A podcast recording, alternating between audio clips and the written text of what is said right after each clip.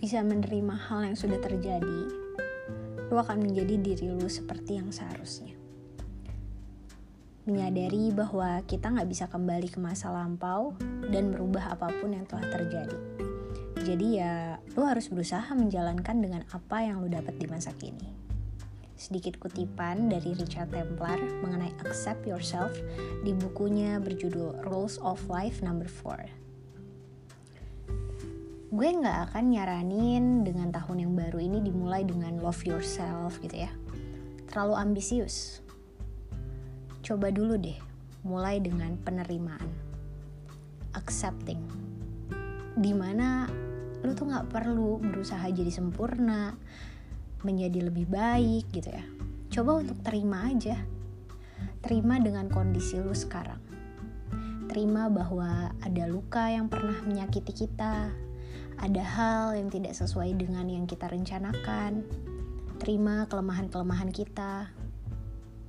Tapi rules ini tuh bukan bikin kita jadi males gitu ya.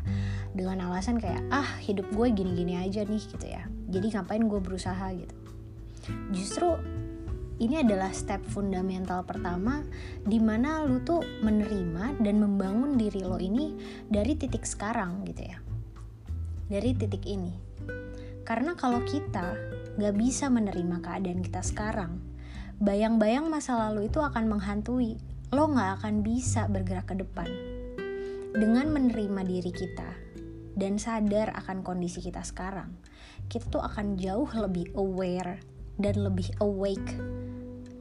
Tentunya kita akan lebih siap gitu untuk membuat keputusan-keputusan di hari-hari berikutnya.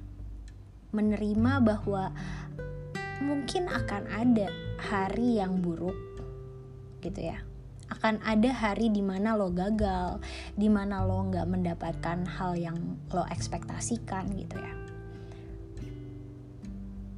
Tapi dengar, that's okay, that's totally fine.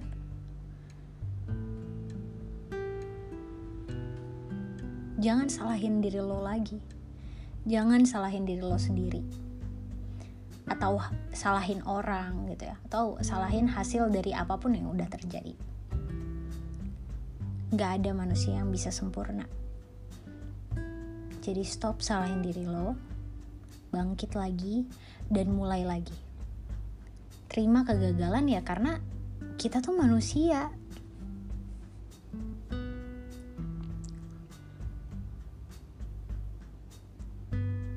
Terima diri lo lakuin yang terbaik untuk masa sekarang.